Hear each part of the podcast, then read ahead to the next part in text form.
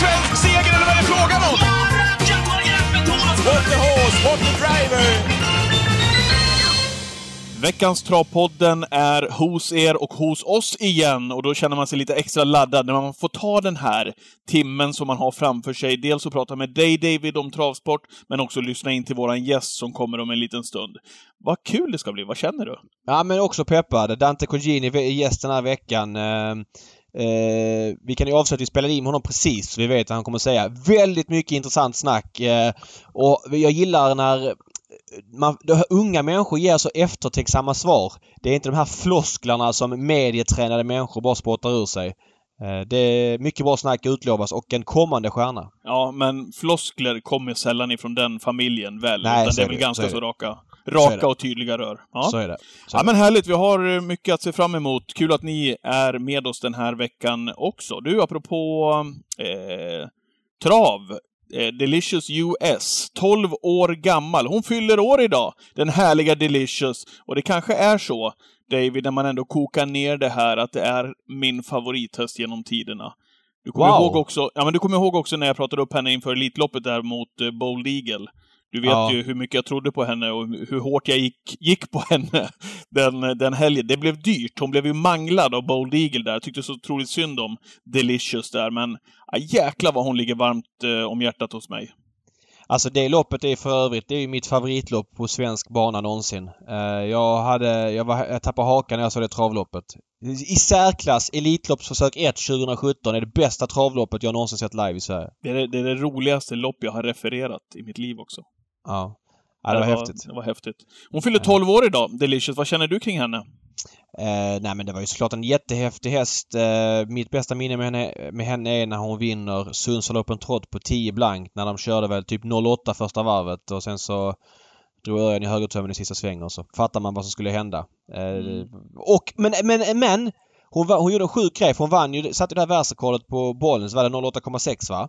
Ja. Och sen så lyckas hon alltså vinna Müllers från dödens. Alltså hon som litet sto, snabbfotad, som man kanske ser som en amerikansk, eh, menar, lite amerikansk sprinteraktig och så vidare. Att hon vann Müllers och 2,6 från dödens. Det var en sån grej som jag hade svårt att ta in. Ja. Ja, hon var häftig. Har du, har du någon favorithäst sådär genom tiden? Det behöver, det behöver inte nödvändigtvis vara någon sån där stjärna som du har fattat tycke för. Nej, men det, det, det är tråkigt att svara en stjärna. Jag menar, hur kul är det om man svarar Varén? Jo, han var bäst genom tiderna typ. Men, men det är ju inte såna grejer man ska ha. Man ska ha någon man har en koppling till. Jag gillar ju Goran Kronos väldigt mycket. Han... Eh, dels kände jag ju ägaren Göran Falk på den tiden. Nej, det var ju ingen stjärna, eller? Jo, men han var stjärna. Men, men han fick ju inte den utveckling man trodde. Men på den tiden så var det ju han och hans söner jag hängde på trav med. För det fanns inga jämnåriga på travet. Eh, och då höll jag liksom mycket att han fick fram en häst som Ludde som då eh, var min favorittränare på den tiden som hängde på Jägersro och så vidare. Jag följde hans hästar väldigt nära och, och ja, det var något extra när Goen Kronos vann i Köpenhamn. Han slog Gianni Di Jesolo från dödens på någon sån här 14-tid i typ fjärde, femte starten. Eh, det var en häftig upplevelse. Fan, fan vad deppigt också nu att. Det, det fanns inga jämnåriga. ja, det gjorde det inte. På Jägersro på den tiden, början på 00-talet. Jag kan säga det, jag drog ner medelåldern på travbanebesöken med, med väldigt många procent. Ja, ja. Eh, så fick man ja, hitta ja, likasinnade sådär.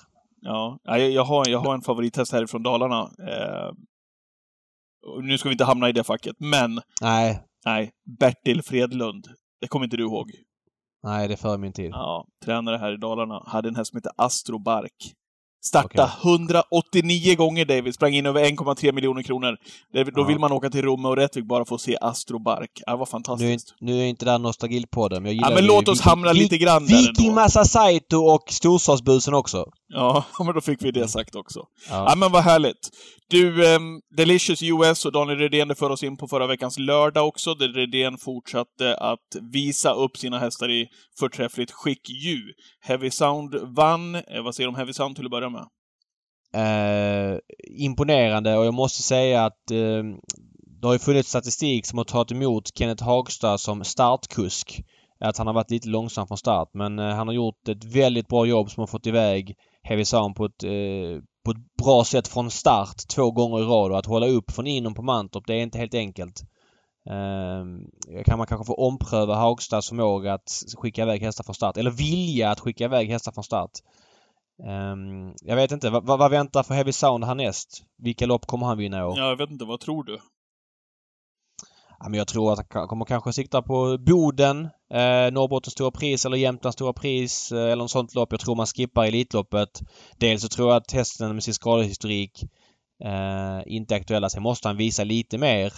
Plus att jag tror Redén har minst två hästar som är bättre och jag tycker inte någon tränare ska ha fler än två hästar i Elitloppet. Så att av den eh, anledningen går han bort där. Ja.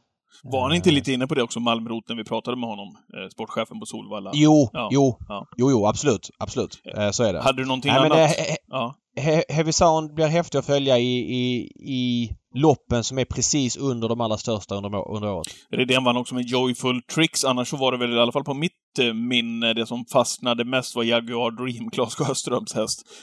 Och, alltså, hur ser han ut? Och Ivory Ja. Di Quattro som städade av det samtliga i V75-avslutningen och vann med halva upploppet innan det var klart. Men Jaguar Dream, det var nog höjdpunkten för min del, tror jag.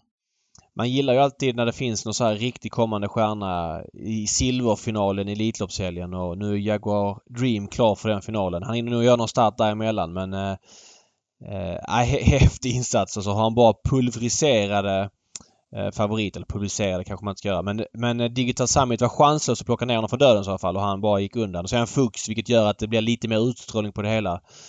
Häftig häst. Mm. Apropå det, jag kan bara göra en snabb vända till V86-tävlingarna, för jag vill lyfta fram Arquana As. Nu fick vi se ytterligare en sån där häst ifrån Timo Nurmos stall som kom ut på V86 just också. Eh, och som var markant förbättrad. Snacka om klassblandning i V86 andra avdelningen när hon, ja, i stort sett ifrån sista häst, bara rundade dem. Och du vet ju, du såg också när Jorma Kontio tog ut på sista sväng så brukar det normalt sett bli Alltså när man får en rygg och man får ta upp och man får avbryta farten, svårt för dem att tända om igen. Men det var inga problem för Arquana As. Det där är en blivande stor elitshäst det där. Ja, så är det. Och till skillnad från tidigare Numus debuter som han har visat upp den här eh, med franskt namn och även en annan ashäst han hade här för några veckor sedan så låg han ju lågt den här gången. Eh, men det hade han ingen, eh, vad ska jag säga, ingen fog för sin pessimism där utan från sista häst, varvet kvar, känner man oj, det blev lite passivt det här kanske men det är inte Jormas grej att köra passivt i travlopp när han har att köra med. Han drog högertömmen, 700 kvar, sen så det bara pang. Ja, men visst var det läckert att se? Ja, se jättehäftig häst och hon är ju, hon blir ju en följetong framöver såklart. När du ändå touchade vid eh, Elitloppshelgen där också, så eh, ville du prata lite grann om Diable du Vauvert. Vad är det här för någonting? Ja men jag gillar ju när det kommer sånt riktigt franskt ånglok till Harpers. Vi har haft eh, några stycken genom åren. Vi hade Jardy något år när eh, Max Flukt vann. Nu var ju Jardy chanslös och galopperade för Basir som Toto-favorit i Harpers 05. Men vem minns inte den otroligt häftiga Milord de Milleret? Svepningen i Harpers, jag tror det var 09, kan ha varit 08. När Saida Camillo satt i ledningen och Thierry Duvalestern blåste runt fältet och vinkade upploppet ner. Om jag sa att Bold Eagles Elitloppsförsök från 2017 eh, är det häftigaste loppet jag sett i Sverige någonsin. Då är Harpers med Milord de Milleret ett av de fem häftigaste travloppen jag sett i Sverige. Den svepningen glömmer jag aldrig bort och eh, det är sådana minnen, sådana hästar man vill ha i Harpers. Jag blev besviken när Card Williams inte kom för något år sedan. Eh, och vi har haft Bird Parker här som har vunnit Harpers på ett imponerande sätt från dubbla tillägg. Jag vill ha ett franskt ånglok. Vi såg Diable du var värd spurta femstjärnigt i Prix de Paris över 4000 meter. Eller vad är det? 4125 kanske. Skitsamma. Han blir en attraktion och hoppas verkligen att de kommer. Ja. Ah, häftigt. Vad, vad känner du kring Harpers? Har du någon mer där liksom, som du tror att vi kan pluppa in av det och så som det har sett ut här nu på, på, på sistone? Ja men eh, vi, det är väl tillägg vid 700. Eh, eller startvolten är upp till 700. Sen är väl mellanvolten 700 till 1,5 tror jag. Jag har inte proppen framför mig. Men rimligtvis så borde ju Master Crow kunna vara aktuell för startvolten. Jag läste någonting om att Johan skulle stå över någon final här nu med Ma- Master Crow. Eh, om det var den här vet jag inte. Jag, jag fick för mig att det var för att han ville sikta på Harpers men jag läste inte det utan det var bara en gissning jag gjorde. Sen så på V86 i onsdags på Solvalla såg vi Born Unicorn. Nu travar han ju inte riktigt och där har ju Redén lite att slipa på men han måste ju vara gjuten på mellanvolten. Nu har han ju lite pengar på sig att tjäna innan han slår taket där. Men eh, Born Unicorn känns hur bra som helst och Eh, det är två stycken som jag drömmer om att se i det loppet då utöver Diable du var värd på dubbla tillägg. Jag vill gärna se fler fransmän men jag blir glad att man sa att man kan tänka sig komma till Sverige med Diable du var värd. Kan Master Crow, du är inne på det, kan han, eh, kan han duga med sin ofantliga styrka och kapacitet ju som han har för klassen? Nu krävs det ju också att man kommer ner i snabbhet också med, med, med honom eh, det, det räcker ju inte bara att, att kunna vara stark mot de där som står på tilläggsvolterna just i Harpers. Hur långt Nej, jag, kan det räcka, jag tror att han är för, jag tror han är för osnabb. Eh, och han tappar för mycket från start. Propositionen är ju den är ju vad det är men det är klart att de där bak står ganska billigt inne eh, mot dem på start. Det måste till en Max Flukt-typ för att orka dra det där fältet i tre varv och vinna från start. Nu vet jag att vi har vinnare som Elis och Scargill i Harpers men Scargill var en billigare upplaga. Elis fick en lucka efter invändig löpning. När vi har riktiga kanoner där bak. Elis och. Scargill, det är inte de man minns när man pratar Harpers direkt. Nej, jag vet men, men det är... Jag vill säga bara att de där... De på start står ju ganska tufft inne. Eh, mot... Du har världsstjärnor på dubbla tillägg liksom. Även mellanvolten är halvt rökt. Jag kan typ inte säga någon... En vinnare för mellanvolten kom på på volley. Eh, Yellow Eden 2011. Och så vann ju även någon sån här Eagles Millpond vann väl också för mellanvolten. Det är väl typ de två jag kommer på. De där bak har en fördel i nuvarande proposition. Fan vad härligt ändå. Eagle Millpond, det kom det en till. Ja, det är härligt. 40 gånger eller någonting. Där var man borta. Så var det. Nu går vi in på veckans gäst. Eh, Vill du beskriva honom på något kort vis innan vi, vi lyssnar? Nej, men eh, det behövs väl ingen beskrivning. Alla har en uppfattning eh, om honom. Han är ju son till Ludwig Colgjini och eh, det är väldigt spännande att se vilken väg han kommer ta inom travsporten framöver. Välkommen till veckans Travpodden säger vi till gästen som är Dante Colgini. Hallå där Dante, välkommen! Tjena, tjena. Tack så mycket. Är, är det Dante eller är det Adrian på luren nu? För att Ja, Patrik sa det. man- Fan, det låter exakt som Adrian. Ja. Ja, det har faktiskt hänt några gånger att eh, när eh, folk har ringt till Adams telefon och jag har svarat så har jag kunnat lura dem att det är Adam. Så att, eh, Ja. man har gjort lite pranks. Ja. Ja. Den biten. Ja, det är perfekt ju. ja, det är underbart. Du, vad gör du eh, den här dagen? Hur ser din dag ut, eh, Dante? Och ja, dina dagar överhuvudtaget. Jag såg ett reportage här för inte så länge sedan där, där din brorsa Adrian var intervjuad och han sa att du har en fri roll på mittfältet. Jag vet inte vad han, vad han menade. Nej, men det är väl så att jag har väl lite allt i allo eh, kring eh, mycket sociala medier och så här. Eh, samtidigt som jag stöttar Adrian eh, med hela träningsbiten och så här. Om han behöver hjälp i något jobb så kan jag rycka in. Men annars är det ju liksom att jag har koll på ungesbiten.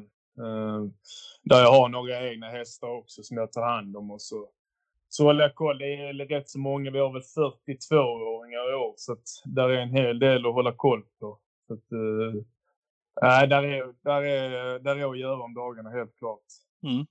Vad är du? 98 va?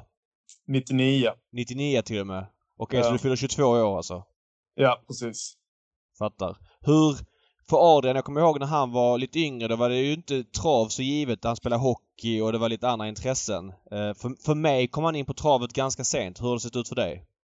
Ja, men jag var väl, alltså jag har alltid varit så jävla intresserad av trav. Eh, Och har allt, alltså, ja, ända sedan jag var, ja, ända sedan jag kan minnas så har jag varit helt galen i trav liksom. Ehm, Men eh, sen så kom ju fotbollen in i mitt liv och, och Ja. det har ju varit det som har gällt fram till studenten. Jag hade ju där, innan jag började gymnasiet så körde jag ju några lopp som 15-16-åring där. Eh, Så att, eh, men det var ju liksom mest på hobbynivå. Alltså att jag tyckte det skulle vara kul att köra något lopp då och då. Mm. Så då tog jag min licens och, och, och började köra några lopp. Men sen så stannade jag av helt när jag hade så mycket med min fotboll och så här. Så att, eh, under gymnasietiden så körde jag ingenting alls. Eh, och sen eh, efter gymnasiet så började jag jobba i stallet och då fick jag tillbaka suget. Hur, hur är det att vara yngsta brorsan och växa upp i familjen Colgini med, med liksom Ja, men med, med, med eh, alla framgångar som pappa Lutfi har haft, eh, eh, brorsan Adrian nu som tar över och, och allt det där. Hur är det att vara lillebrorsan? Hur har det sett ut för dig? Ja, men alltså det, jag är liksom, eh, jag får säga så här, alltså vi, både jag och Adrian och min syster, fast min syster har inte hållit på med trav på det sättet, men vi är uppfödda med en vinnarmentalitet. Alltså på liksom att pappa var ju extrem vinnarskalle och på något sätt så har jag och Adrian fått det med oss att det är vinna som gäller. Så att då är hela tiden, man har hela tiden känt liksom en press på sig själv att man, det ska levereras om man heter Colgjini. Mm. Eh, Så att på det sättet så har det varit rätt så tufft och komma in i, i sporten. Liksom att, ja, där kommer Dante Gugino. Då förväntas man att jag ska leverera liksom, direkt. Men riktigt så enkelt är det ju inte. Vad jäkla fint att du säger det, för det, det visar också på någon form av eh, sårbarhet. Jag tror eh, Lutfi sa väl det när du vann V75 här på Mantorp för inte så länge sedan, här i februari. När du vann med Racing Rib. Det var väl dessutom i, i duell med brorsan, va? Att du, att du inte ens var så sugen kanske på att åka dit och köra. Det hade gått lite dåligt och så vidare. Jag tycker att det visar på en fin sårbarhet och liksom, ja men inte det där självförtroendet kanske som man förknippar med familjen Colgjini. Nej, men det är såklart. Alltså det, är, ju- det är höga toppar och djupa dalar. Alltså det är liksom, vinner jag, vinner jag två, tre lopp eh, på kort tid så, så är man uppe bland molnen och svävar. Men lika snabbt så kan man köra fyra galopper på en kväll och då är man nere i, i graven igen. Alltså det är liksom, det är så, det är så stor skillnad när det gäller det där. Och jag, jag kör ju så pass lite lopp. Eh, Jag har ju bara kört 25 lopp i år. Eh, Så Mm. de loppen jag kör så vill jag ju verkligen vinna. Alltså det, jag har ju lite svårt för det att lära mig att förlora. Så att det blir ju liksom att man tar det väldigt hårt när man väl förlorar. Även om jag kanske inte ens hade en chans att vinna loppet med just, just den hästen jag är ute med. Men liksom att jag ställer så enorma krav på mig själv att jag ska leverera. Men där känns det ju inte som att äpplet faller jättelångt ifrån trädet. Jag menar både Lutfi och, och Adrian känns ju lika, eller?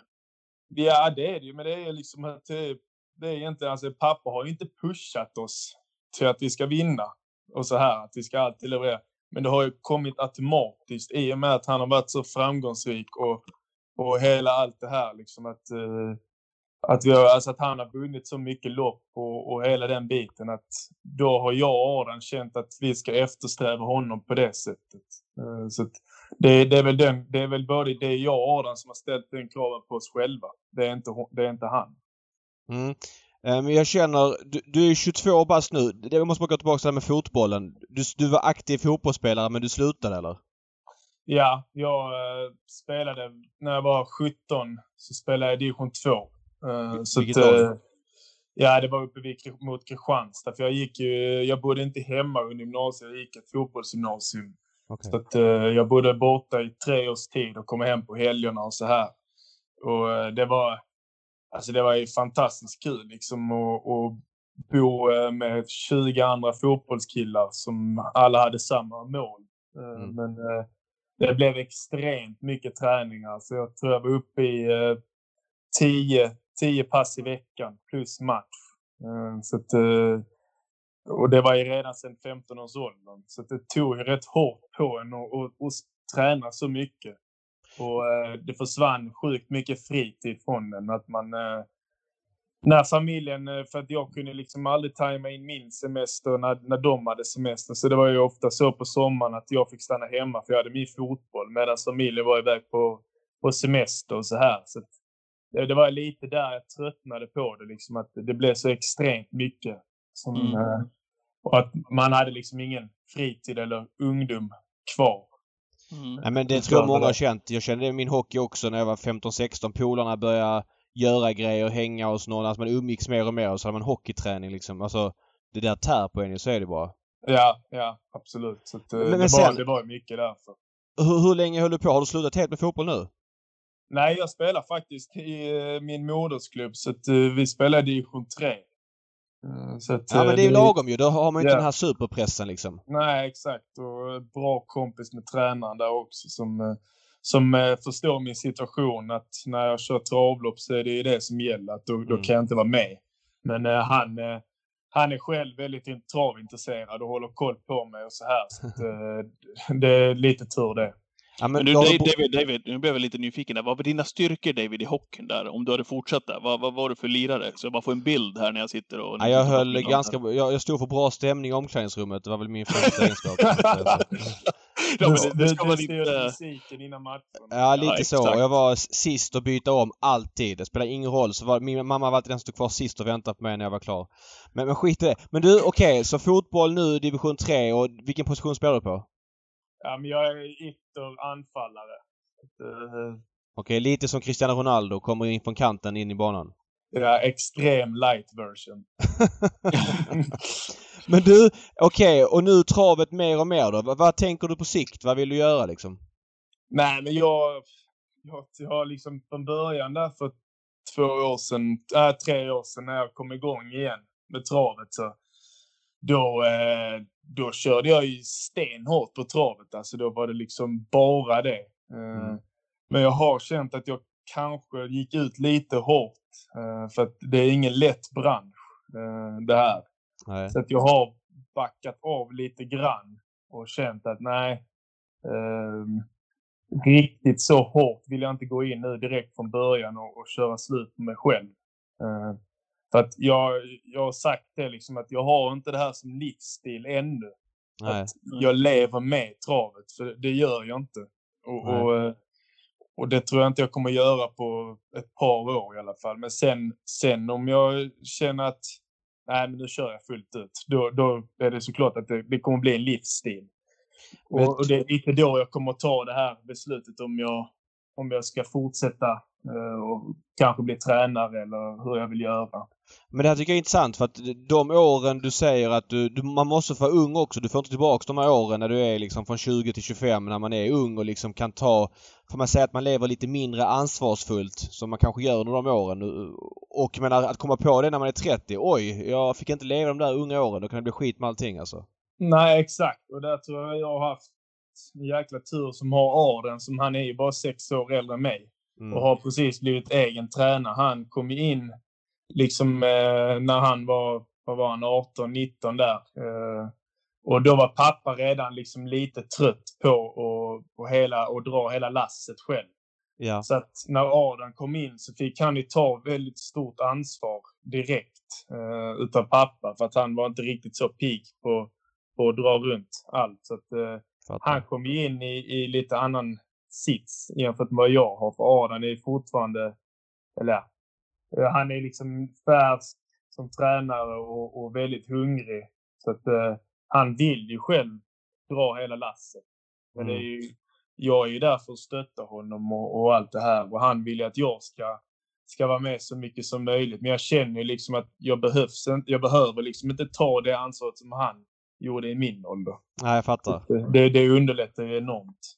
Men hur, hur ser det för Adrian när han var med här? Han var inne på att han hur uttryckte han det? Han sa att det var ingen fördel i varje fall att inte ha jobbat eh, en längre period hos en annan tränare. Nu kanske inte du har bestämt fullt ut att du vill satsa på det här på sikt. Hur ser du på den grejen? Om du kanske, nu vet du inte det ännu, men är det någonting du skulle prova att jobba hos någon annan för att få liksom någon annan inblick i hur det här funkar och hur någon annan jobbar? Ja, absolut. Alltså det är, ju mer man ser desto, desto större kunskapsfält utvidgar man. Och, mm. och liksom att men det, det, är väl mer kanske Frankrike eller USA som, okay. eh, som lockar då och, och åka över där. Han var ju över hos Jimmy en kort session. Men ja. eh, det är väl kanske det som lockar lite och, och kunna åka utomlands och, och, se lite för att jag tycker till exempel att eh, de franska topptränarna är enormt duktiga. Eh, så att de, de skulle varit intressant att se hur de eh, jobbar med sina hästar. Ja, kan du ge exempel på någon du imponeras av? Ja, men Basir, han är ju liksom outstanding i, eh, när det gäller de äldre hästarna. Och sen är ju han... Eh, oh, nu har jag glömt namn. Han som eh, tränade Ready Cash från början. Eh, ja, Lär. Filippa ja, Lär. Ja. Han är ju outstanding på unghästarna. Så att de två tränarna hade ju varit enormt kul att få, få komma till dem och, och se hur de hur de utvecklar sina hästar och allt det där. Sen är det inte säkert att om jag vill, om jag vill bli tränare att jag blir tränare här i Sverige. Nej, nej. Det vet ju inte jag. Men... Nej, och det där är intressant. Blir du tränare i Sverige, om du nu skulle bli det, alltså hur ska du göra med Arden då? Ska ni dela upp stallet? Ska du bli en konkurrent som börjar från noll? Alltså du fattar, det finns ju väldigt många frågetecken där. Ja, det är det och det har jag faktiskt tänkt på en hel del. Liksom, att hur ska vi kunna göra det? Liksom, för att eh, de hästägarna Arden har. Det har ju varit, ja några är nya såklart, men ja. eh, det har ju varit sådana som har varit pappa, pappas ja. hästägare sedan innan. Så då är det att jag nästan börjar om på helt ny kula och, ja. och får starta upp något eget. Eh, tror jag. Men ja. Eh, ja. det får vi se. Liksom det, jag är fortfarande så pass ung så att jag har några år på mig. Ja. ja jävligt intressant det där. Det där är inte eh, man, man, kan ju inte ty- Det hade varit jävligt spännande att se hur eh, du hade löst det på egna ben så att säga. Alltså utan att få det här förspända stallet med, med liksom bra material och toppstammat utan hur det hade sett ut om du hade varit en konkurrent till Adrian som exempel. Ja, alltså ja, det hade väl varit... Men samtidigt så är det ju... Alltså när man liksom har jobbat med Adrian så hade det kanske varit svårt att, att vara på samma gård som honom och, Ja. och sitta och konkurrera mot honom. Det, Såklart. det hade liksom varit rätt tufft. Så att på något sätt så hade man väl önskescenariot hade väl varit att man på något sätt hade kunnat eh, ha ett samarbete eh, Ja. och ihop. Det hade väl varit det mest optimala. Fattar. Men, men när du säger att du inte gör det här fullt ut riktigt, alltså vilket är fullt logiskt. Hur ser dagarna ut? Är du 100% anställd eller hur funkar det? Ja, ja, ja, alltså jag jobbar för fullt. Jag har ju åtta egna hästar som jag tar hand om. Eh, samtidigt som det är mycket liksom eh, eh, med personalen och så här. Alltså att Aden är ju uppe i ett helt annat stall. Så Ja. men personalen undrar om den hästen och den hästen, då måste jag liksom ha koll på det hela tiden. Så att huvudet får verkligen jobba. Eh, och är det någon veterinär som måste komma och kolla på den hästen så är det jag som sköter det. Det, det säger inte jag till Arden att han ska ringa den veterinären, utan det får jag lösa. Så där är liksom extremt mycket att göra. Alltså även om jag åker hem vid fyra eh, så är det fortfarande jobb ett par timmar till när det gäller resten. Så att jag är anställd fullt ut. Men Ja. eh, det jag menar med att jag inte går fullt ut, alltså helhjärtat än, eh, det är ju att eh, jag kör inte så mycket lopp. Alltså att jag liksom... Eh, eh, jag kör lopp två gånger i veckan kanske. Mm. Något sånt där. Håller det på en lagom nivå. Ja. Så att, eh, det, är det mest det jag menar, liksom att jag går inte fullt ut för det än.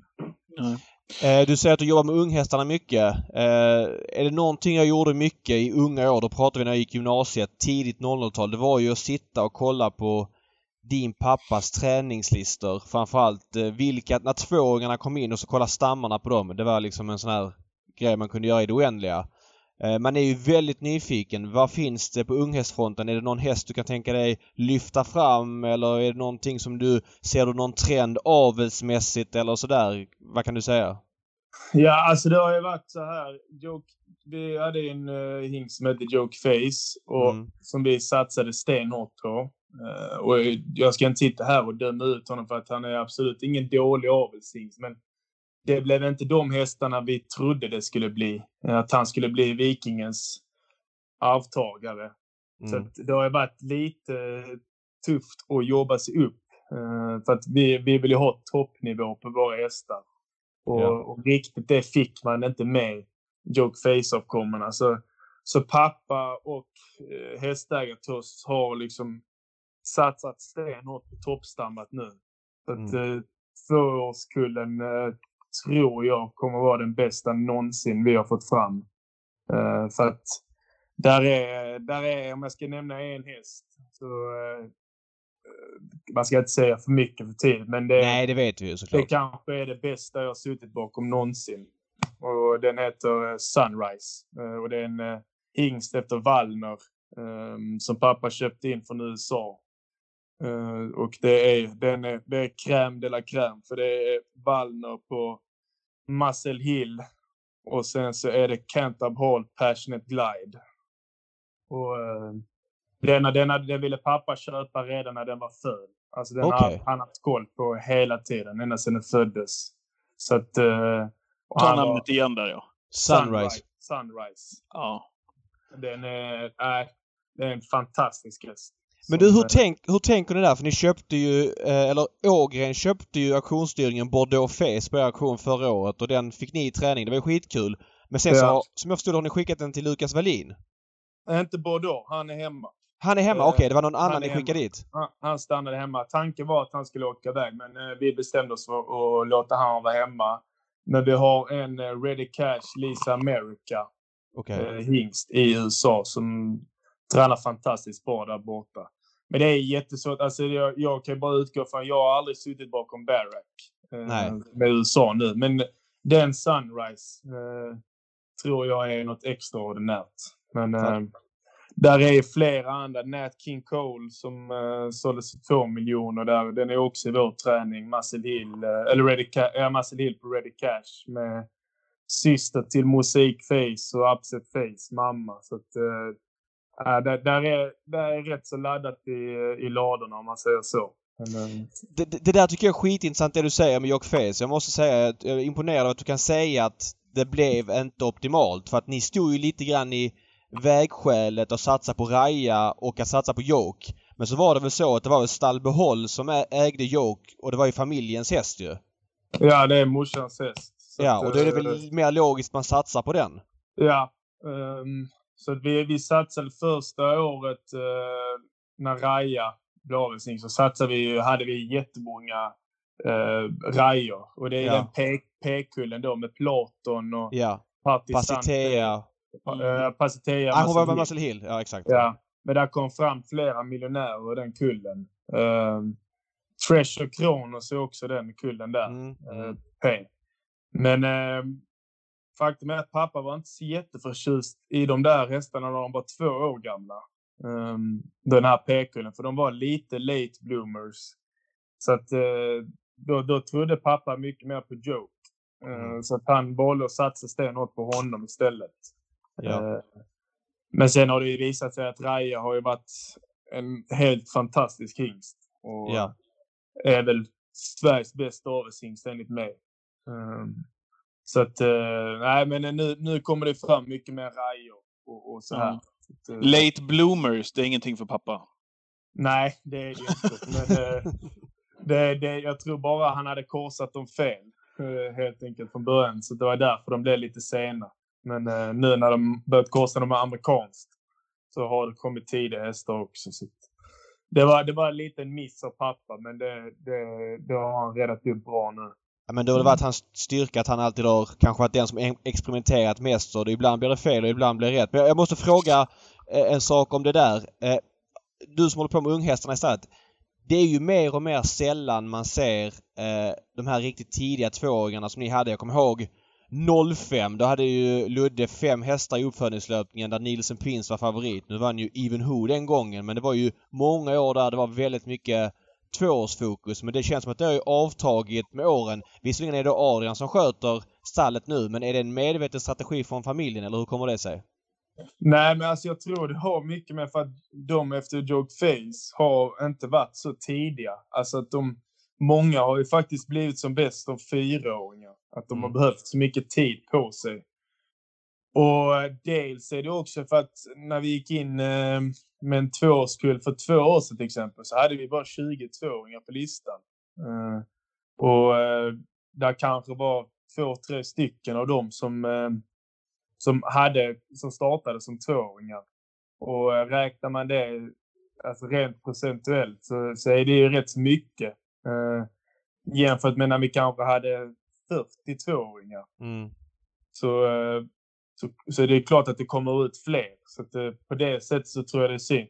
Men jag kan säga så här att de svenska tränarna har ju blivit betydligt mycket bättre eh, när det gäller att utveckla unga, unga hästar. Alltså att kolla på en sån här som Per Nordström, alltså han är ju grym på att, eh, på att drilla de små och, mm. och kom ut med, i ett fantastiskt skick.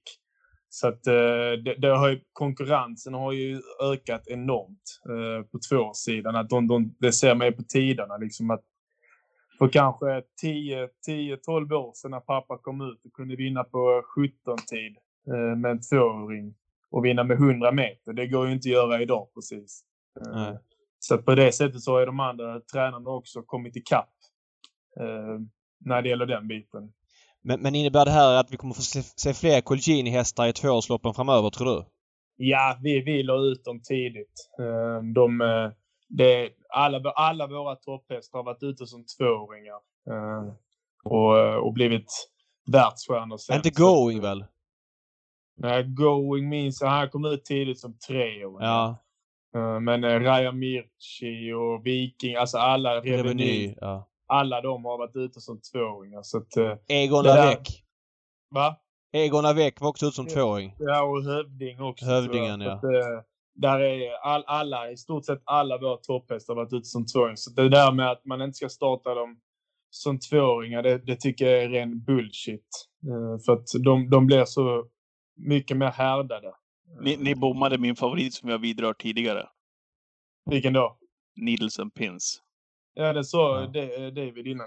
ju. Ja. sa du den David? Ja men sorry, jag lyssnade inte på det örat. I'm, I'm Nej, sorry. du måste hänga med här i snacket Patrik. Du Ja, måste jag- med på den annars det får går du gå hem och skala för en banan istället. Det, det går lite för fort för min del. Ja. Hon var fantastisk den. Det, Ja, herregud. Jag har dragit ex exempel tidigare. Det var ju en, eh, ja, men om det var en kriterieaktion eller vad det var. Jag var på den och eh, så kom hon ut då. Ja men eh, nu, nummer 32, Nielsen Pins efter Ever Yet och Spend a Bunch. Och så var man så här, ha? Ja men det var ju en fin häst men stammen kändes inget extra så budgivningen var så. Ja men 30, 30, 40, 40 och så sa man bara 300 hörde man någonstans ifrån. Ja det var Ludde som bjöd 300 för den. Det var liksom ingen mer bud på den efter det så han fick ju hem den. Nej hon var fantastisk. Dubbel E3-vinnare. Synd att hon inte fick lyckas i aveln bara.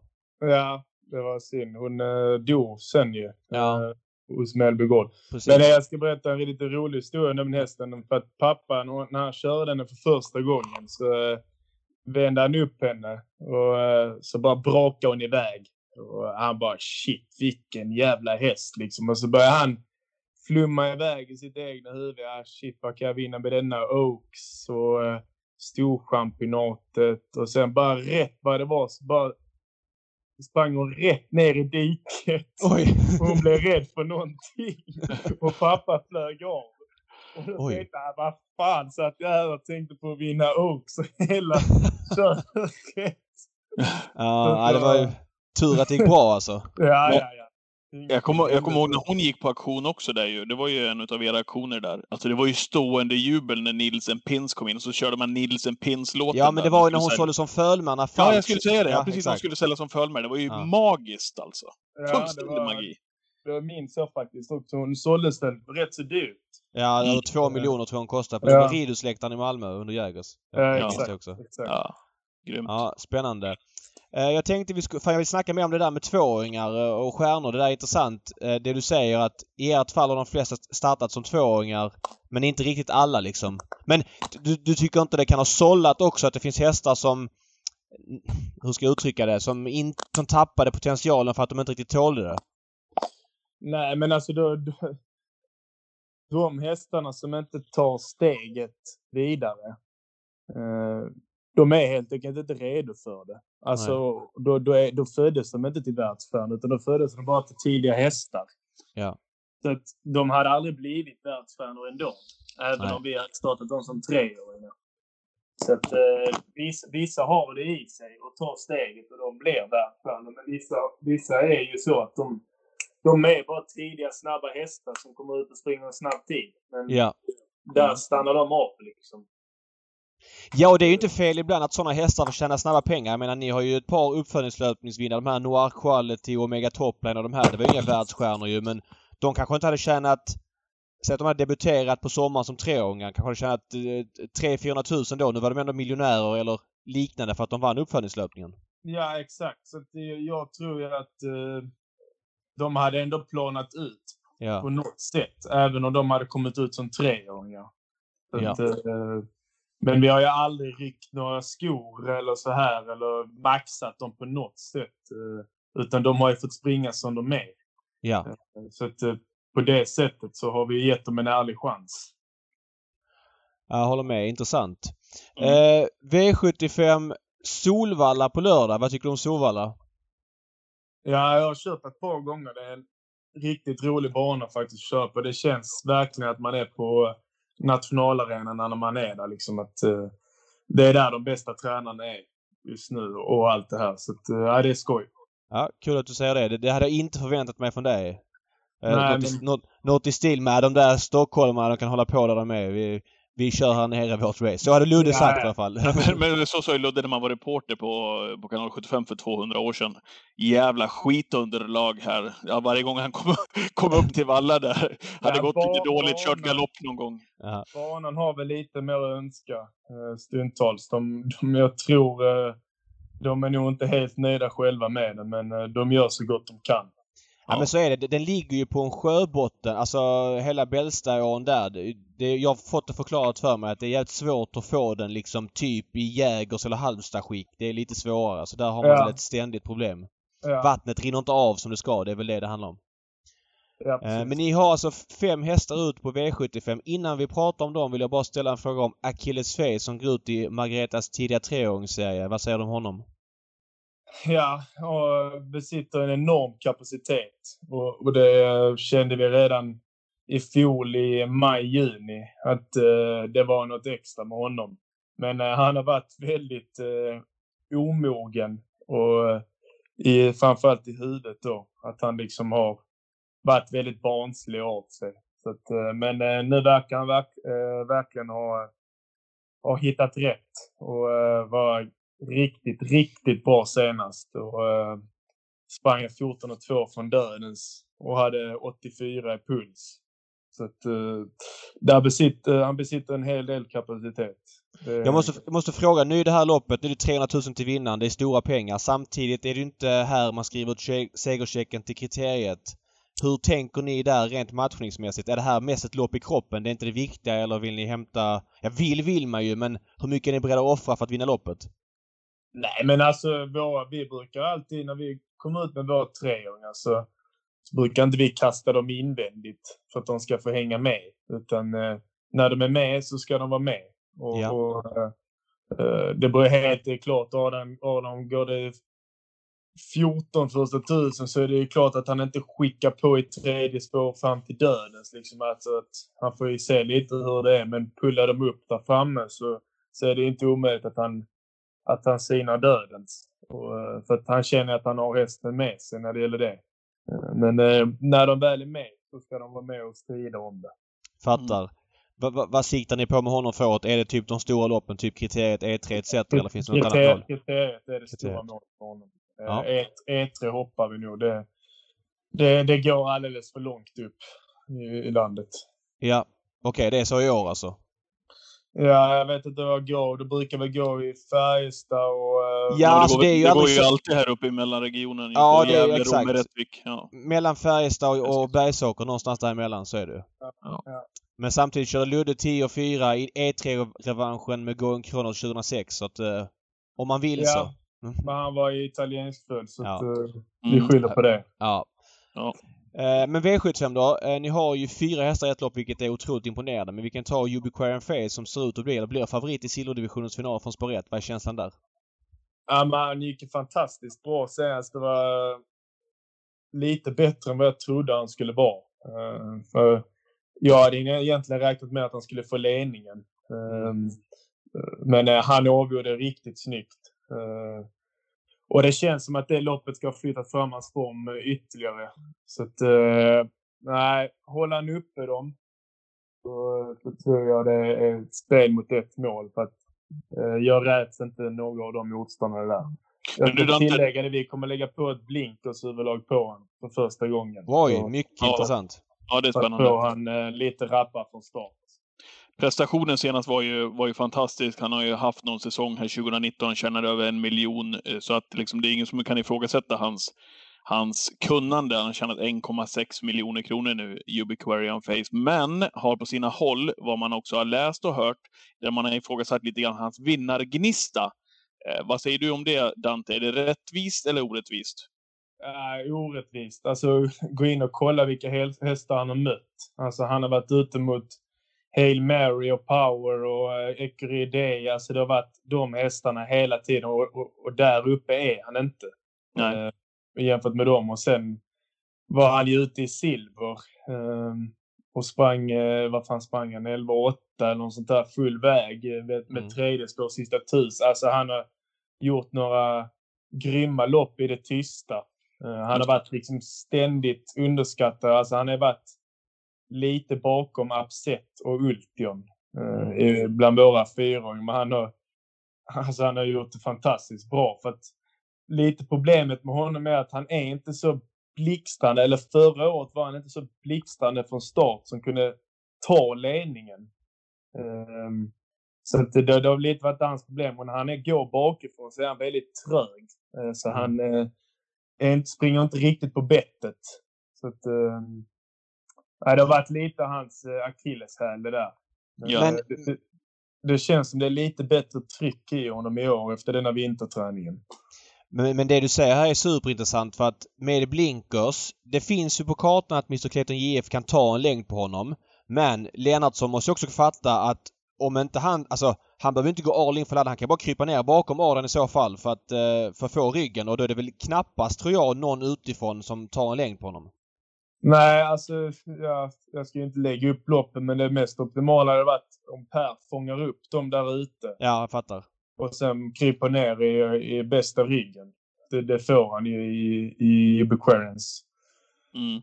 Så att, nej, det hade varit det mest optimala. Och sen när han, när, jag kan säga, när han är i ledningen, då växer han tre, fyra klasser alltså.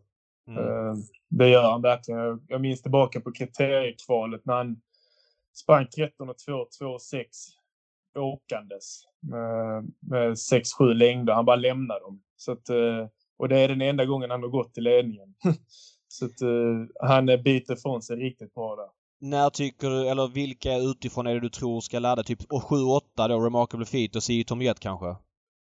Ja, jag läste, jag vet inte, den här Malkin, jag läste att hon skulle ladda allt vad det går. Men jag vet Okej. inte alls hur den öppnar. Okej. För Remarkable Men- Feet är ju startsnabb men har ju varit klart sämre i spets. Har varit riktigt bra bakifrån så att... eh, ja, jag vet inte. Med, med, med din blinkers-info så blir helt plötsligt Ubiquarian Face spetsfavorit faktiskt. Ja, alltså jag tror för att han är så här, han är snabb första 50 metrarna. Mm. Men sen har han bara släppt bettet. Okej. Alltså han, han bara släpper bettet precis som eh, eh, upper face brukar göra. Alltså han släpper bettet efter 50 meter och springer inte fortare än så. Men jag tror med det här blinkersöverlaget att han kommer vara mycket mer laddad. Och det, det är ingen häst som brukar slå ihop utan han brukar rulla. Så att eh, det kommer passa han eh, riktigt bra om han är riktigt taggad bakom bilen. Ja, Ja, det är bra info. Grymt spännande. Mm. Eh, och sen i... Eh, blir, det bro- blir det stressigt i stallet när ni har alltså fyra hästar ut i bronsfinalen. Ni har alltså tre upper face som du kör. Eh, ni har sex Eclipse Am som Adrian kör. Ni har sju Upstate Face som Pappa Ludde kör. Och tio Racing Rib som Claes Sjöström kör. Vem satte upp kuskar på vem? Hur gick beslutet och snacket där? Ja, det var eh, pappa och Adrian. Eh, Hade du velat kört någon annan eller? Nej, nej, jag, jag sa att eh, om jag får köra någon så vill jag köra Upper. Ja, okej. Eh, Varför då? Nej, men jag gillar den hästen. Eh, och jag har vunnit lopp med den tidigare. Och jag visste om att de skötaren där blev lite förbannad på mig att jag inte körde Racing Reeve när jag vann med honom. Men Mm. eh, jag, jag tycker liksom att Upper är klassen bättre än eh, Racing. Så att, det var därför jag ville köra honom i en final. Och, och det sa Arne, ja men det är helt okej. Så att, eh, Varför och sen sa... pa pappa äger ju halva Upstate så att han är tvungen Ah. att köra honom. Mm. Okej. Så att, eh, sen Och Adrian kör Eclipse för att... Eh, valde han den eller var det brist på annat? Nej, men jag sa till honom att eh, jag får ingen fart på Eclipse. Alltså jag har kört han några gånger, men han är sjukt, sjukt svårkörd den hästen. Alltså att, eh, för han är, han är inte snabb. Nej. Och han är inte den som kan gå sista tusen i tredje spår. Utan alltså han är liksom stark, men tål inte att göra det sista 1200 själv. Alltså, fattar fattar. du? Så Mm. att, eh, han är liksom extremt svårkörd och han öppnar som en Finlandsfärja bakom bilen. Eh, så att, eh, det, är, det är en väldigt svår häst. Men Arden, och, Arden har ju lyckats riktigt bra med honom. Hur läser du loppet? Nej, men Sweetman eh, vet jag om kan ju öppna riktigt bra. Men eh, Arden säger att eh, spår 1 för honom är lite eh, sådär. Eh, Ja. Säger han. Ja, Eh, Adrian vann ju finalen med honom här i ehm, februari månad. Han har kört honom mycket Ja. så han vet ju. Ja, exakt. Och han säger att det kan bli lite problem för honom. Men jag, jag, jag gissar på att det inte blir det. Um, och då, då tar väl han ledningen. Och sen... Mitt jobb är väl att ta mig förbi Peter. Och sen uh, får jag hoppas att någon kommer och uh, avlöser mig så jag kan få andra ytter. Men det blir väl var- Eclipse då, eller kommer han för sent han kanske? Ja, vi får se hur han öppnar för dagen. Han är extremt seg från början alltså. Men du vill ha andra spår, inte ner i ryggledaren? Nej, Nej. det tror jag inte. För då tror jag eller Erik bara packar in mig där. För att, eh, han vet vad, vad upper face gör på kortspid. Han är väldigt, väldigt snabb och man får spara speeden till 400-500 kvar. Han har kört otroligt bra på slutet, upper face. Han har suttit andra utvändigt i princip i varje lopp. Ja, ja, ja men han är... Det sjuka är alltså att den hästen, alltså när han var två och tre, alltså då, då, då, då sa vi vad fan är det här? Alltså han sprang mm. inte framåt hästen. Alltså han ville verkligen ingenting. Alltså när man körde han i sanden där hemma så kunde han vara 250 meter efter klungan och komma in med 68 i puls. Alltså det, det gick inte för fart på honom. Och eh, i början där så var han skuttig och, och allt det här. Men helt plötsligt när, eh, när vi kastrerade honom och, eh, och bytte miljö blev han som en snabbloppare. Alltså, och då, då började vi tro på honom. Alltså att han, han har egentligen en riktigt bra kapacitet. Och vi, vi har ju förhoppningar att han ska kunna klättra upp i guld en dag. Mm. Så bra är han. Ja, skoj. Vad, eh, hur rankar du era egna hästar? Vad är feelingen? Jag såg att du låg lite lågt i en intervju med uh, Upstate Face att han inte var helt nöjd med honom och att Racing Rib är kraftigt missgynnad av bakspår. Ja, det är väl lite så. Upstate fungerar inte alls i lördag. Så att, uh, uh, ja, jag vill gärna se att han funkar uh, i ett lopp innan jag liksom... Egentligen är han ju nog um, rätt så jämbördig med Upper rent mm. kapacitetmässigt. Men med tanke på lördagens insats så så ligga lågt. Och Eclipse är ju väldigt gynnad av att det blir ett hårt tempo. Alltså jämnt hårt tempo. Uh, för då, då kommer han in i matchen. Och Racing gör ju sina bästa lopp där framme. Så att uh, han missgynnar. Så att jag och Adrian har väl rätt så jämbördiga chanser. Kanske lite plus för mig med läget. Jag tycker det är plus för dig för att du mest troligt kommer att slippa göra jobb. Adrian du kommer nog behöva dra i högertömmen någon gång tidigare än dig och det är svårt att vinna finalen om du ska hänga lite i tredje. Du kan ju chansa lite mer och därmed få en mer spårsnål resa. Ja, och jag har mycket mer lättkörd häst än vad ja. han har. Så att, uh, nej, det ska bli, det ska bli skoj att köra faktiskt. Om inte det där är underhållning på bästa sändningstid. Det vet jag inte vad som är det med tre, tre Cadinis i samma lopp. Ja.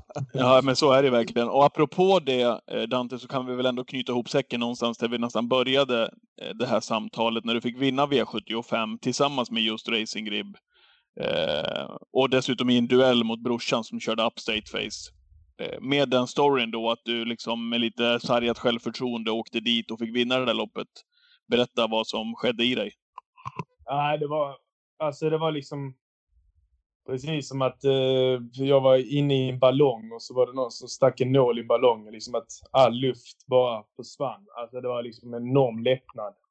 Eh, och jag blev var, det, faktiskt... var det lättnad du kände och inte glädje alltså när du vann V75-loppet? Alltså, förstår du vad jag menar? Alltså mest lättnad, Eh, skulle jag säga. För att det, liksom, det skrivs väldigt mycket. Alltså jag försöker ju inte gå in och läsa sociala medier, men jag har ju fått något meddelande på Facebook skickat till mig till exempel. Eh, du är värdelös. Men det, det är liksom ingenting jag tar till mig så. Men alltså man är ändå där, man har det ändå någonstans i bakhuvudet liksom att folk tycker si och så om en. Och, och det var liksom lite därför att det var jävligt skönt att få visa att man, man på något sätt duger ändå. Ja, för 17. Men ja, det... det, Mark Elias hade en liknande upplevelse. Han hade gått in och läst på sociala medier när han hade kört... Ja, det var någon han körde bort någon häst på V86 och så han kommit tillbaks och haft det med sig. Alltså om man har något råd till folk det, läs inte sociala medier när man utövar. Det som vi när vi tippar V75. Jag står i TV och pratar. Då får man ju alltid skit. Det spelar ingen roll liksom. Man får ju bara lära sig att förbi sig sånt att folk kommer vara... Eller en liten klick människor kommer vara så. De kan ju inte få styra liksom hela branschen. Ja, ja, men jag, alltså, jag går inte in och kollar när det är tävlingsdag. Det gör Nej. jag inte. Men eh, liksom jag är mycket, mycket ute på sociala medier och då, då är det klart att man slinker in någon gång och ser liksom vad folk ja. skriver. Ja. Eh, det är väl rätt så vanligt. Eh, ja. Men det, är Nej, det, var, det var för jäkla härligt att se den där duellen, jag måste säga det Dante. Jag får gratulera så här i efterhand. Med, man blev glad där hemma. Och så, och så Adrian, halva längden är bakom också. Det var ju fint på något vis. Mm. Ja, och det var, äh, grejen var att folk har ju till, till och med efter loppet så har folk påstått att Adrian inte försökte vinna. jo, ja men då får de se om det. Han, men, ja, men då får de läsa om efternamnet tror jag. Då får de läsa om efternamnet. Vem, ja, vem satt där egentligen? Ja. ja. Precis. Så att, äh, nej, det var superskoj. Ja, Ja, men spännande Dante. När åker ni upp till Stockholm? Kör ni bil på lördag morgon eller? Ja, bil på lördag morgon. Och, eh, jag vet inte om hästarna åker imorgon eller på lördag. Det är inte bestämt än. Nej okej. Men övernattningar och sånt ska inte vara några problem? Om Nej, det så. tror jag inte. Det tror jag Nej. inte. Ja, fan kul. Du, innan vi lägger på här. Dante messade mig under, under intervjun här, David. Han, han skrev så här, jag tror att David var en så här fysisk, eh, ofysisk, defensiv hockeyback, skrev han, som la sarg ut. Stämmer det? Eh, Det roliga var att jag var målvakt en period ju, men jag är ju rightare och jag stod i MIF liksom. Det var en av Sveriges största ishockeyföreningar och under mina år som målvakt så kunde de inte plocka fram en enda högerplock till mig. Så jag var alltså högerplockare som fick stå mål med vänsterplockare. Det var inte kul. Ja, det är uselt alltså. Eh, men sen var jag ute och spelade mycket också. Då var jag såklart forward. Jag var inte starkast i hemjobben om jag säger så, men eh, ja.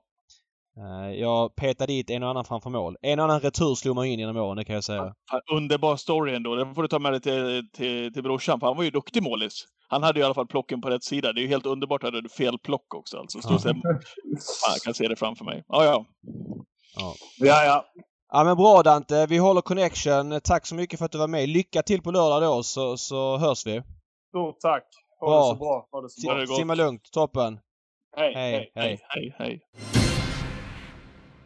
Ja, vad härligt och vilken bra information vi fick också kring eh, en utav hästarna. Ja, kring alla hästar David, men framförallt en som ju man blev väldigt spänd på.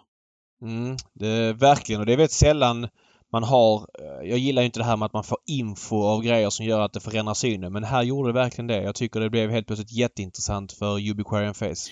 Och fan, plötsligt också fick jag bara känsla av vad jag unnar Dante att vinna V75 nu på, på lördag, en V75-final. Med det han berättar också. Med de, liksom, även om han säger att Lutfi inte pushar honom liksom och allt det där, men ändå förväntningarna med en Colgjini som kommer ut och man ska vara, kanske köra på ett visst sätt. Vi vet att Adrian berättade om tidigare också, eh, innan man liksom lugnar ner sig, man blir trygg i sig själv. Ja, det hade suttit fint. Och, och Upper Face är ju definitivt inte chanslös. Nej, eh, jag tror att han, har den, eller han är den som har bäst chans av Colgjini-hästarna om han körs på chans. Jag, jag, han får nog inte vara ute i spåren och snurra utan han ska nog liksom chansa och sitta, sitta, sätta på andra ut. Och gillar jag när man sitter kvar, 800 kvar, hoppas på att det löser sig. För att gå först i tredje, då är det ofta någon annan som är för bra. Mm. Och det är eh, härliga V75-tävlingar nu till på lördag. Vad säger du om omgången då, nu när det är finaldags? Vad, vad känner du spelmässigt? Bara säga det att det bygger ju på att, att man sitter kvar andra utvändigt. Det bygger på att man tror att dödens hästen håller helt okej. Är det en dödens häst som kanske har fått en tuff inledning då, då får man nog gå ut och runda den. Mm. Vill bara det sagt. Det finns ju olika fall från fall till fall. Det är svårt att generalisera. Såklart. Omgången, bra omgång. Eh, såklart finaler är alltid extra kul. Lättsamt att inte vara på plats. Eh, för att vara finaler är den okej. Jag har sett bättre sportsliga finaler i mars månad. Eh, Margaretas tidiga unge säger roligt. Nu är det lite mer klass på loppet än vad det var i februariomgången där det var lite eh, häst, mindre hästar man kände till. Nu är det lite mer hästar som jag tror blir etablerade under året framöver. Eh, ja, jag är nöjd med omgången. Vi tänkte så här den här veckan att vi, vi eller vi har, vi har sagt det innan här, innan vi spelade in podden, att vi ska ta ut en spik, ett drag och favorit i fara. Varsin. Vi får se vart vi hamnar någonstans. Vart vill Mm. du börja någonstans när det gäller spiken då? Ja, men jag vill säga det också, jag skriver Expressen i veckan och kommer vara mer påläst när vi spelar in eh, streamen på lördag klockan ett. Då kommer jag ha hela leken så att eh, jag vill inte dra för långa haranger nu för jag har inte tillräckligt bra koll ännu så ändra mig till det så att det blir. Men jag tror jag är klar med eh, grunderna och spiken blir faktiskt eh, ett Ubiquarian Face i V755. Jag tror att han har god chans att hålla upp slash ta sig ut när vi fick den här infon med eh, Blinkers-huvudlaget. Det är en ganska medioker silverfinal ska vi säga. Det finns några bra hästar men jag tror att han har bra chans att hitta ut och då tror jag att han kan få överta spets och ja, då har jag inte någon riktig feeling för att någon ska eh, plocka ner honom. Skulle vara Remarkable Feet som är mycket bättre bakifrån och nu är med barfota runt om men man kan inte ta alla i alla lopp så jag går kort där och spikar ett Ubiquarian Face i V75. Mm. Min spik i omgången, den kommer i V75 avdelning 5. Nummer ett, Ubiquarian Face. Ja, men alltså vilken information här med blinkers också. Jag hade feeling för honom eh, innan vi pratade med Dante. När jag såg listan direkt tänkte jag att det är bra chans att hålla upp. Eh, det kommer att eh, vara några hästar också som drar en hel del streck i loppet. Global Undecided, eh, Bear Time trots sitt bakspår, Rally-Hans säkert. Eh, och någon mer där till också. Så att eh, han kommer liksom inte skena iväg ändå på sträcken. Så att jag, jag är inne på samma linje, David. Jag tror att Ubiquarian Face har en jättechans att, att vinna V755.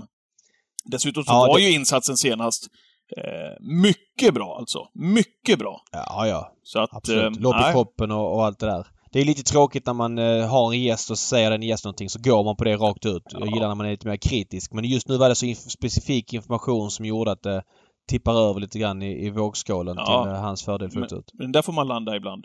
Okej, eh, drag då. Börjar du då.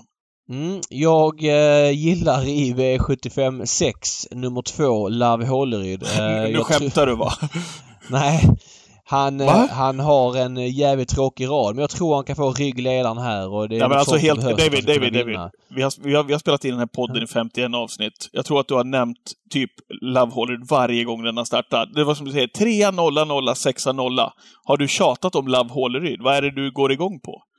Han har också haft spår 11, 11 och 7. Eh, de fyra senaste. Nej men jag tycker att hästen är ganska bra. Jag tycker det är en ganska sådär bronsdivision. Eh, senast så fick Peter dra honom i galopp. Jag tycker han tål tufft tempo. Han är stark och rejäl. Alltså han kan vinna med någon form av klaff på loppet om han har en bra dag. 3 eh, är väldigt lite. Mm. Du, du, du, du tar omtag helt enkelt. Jag tar omtag helt enkelt. Vad har du för drag? Eh, Den här tror jag att du gillar. I, i V75 3. Nummer fyra, Zeolit. Ja, fan, jag kanske känner att jag, jag, jag hamnar lite grann där du hamnar på Love Holleryd, för jag har ju tjatat om den här hästen så otroligt mycket. Nej, jag, jag, är, jag, det är den häst jag har fastnat för helt enkelt. Nu kanske han måste, eller kanske, han måste upp något snäpp nu, men det kanske det kan bli. Han har ett bra utgångsläge den här gången. Eh, han, har, han kommer att tävla barfota runt om som det är just nu och han är anmäld med bike. Han brukar gå med skor, han går, brukar gå med vanlig vagn. Erik Adielsson upp, bricka 4.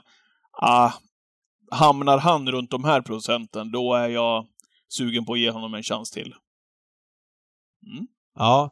Jag tyckte det var lite för blek senast. Eh, jag gillar ju när man drar skorna och sätter på biken när det liksom är lite laddat för det. Man har kört lite snällt och man kan förvänta sig en maxprestation. Nu har det varit några, någon gång för mycket när han liksom inte riktigt har visat eh, att han är så bra som jag kanske trodde för någon start sen. Vi får se! Ja. ja, du gick inte igång helt på idén. Nej men jag betalar för honom såklart men jag, jag kan se honom också liksom typ hoppa eller något sånt från start. Jag, jag är inte helt såld Ja. men eh, ja. Ska jag dra min favorit i fara först, eller? Ja, gör du det?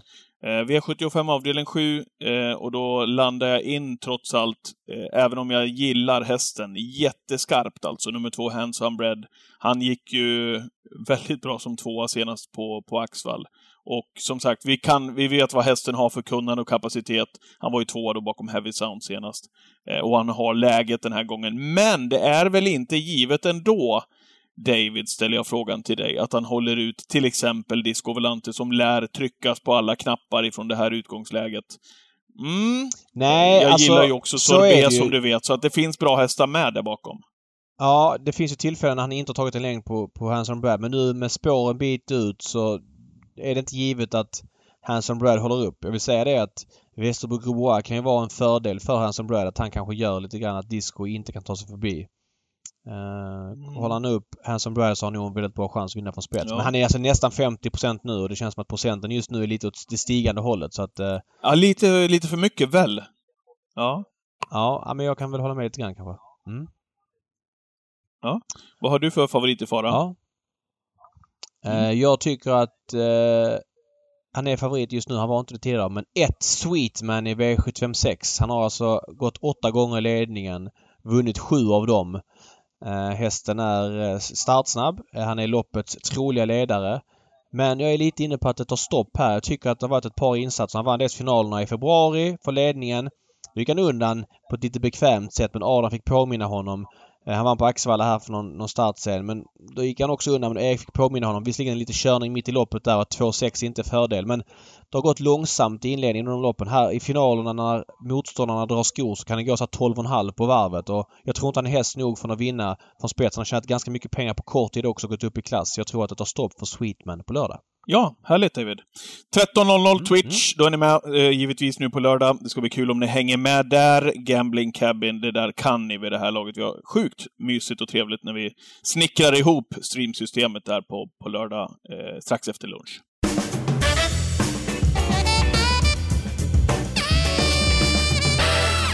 Veckans hiss och diss är här, David. Ska jag börja med hissen, tycker du?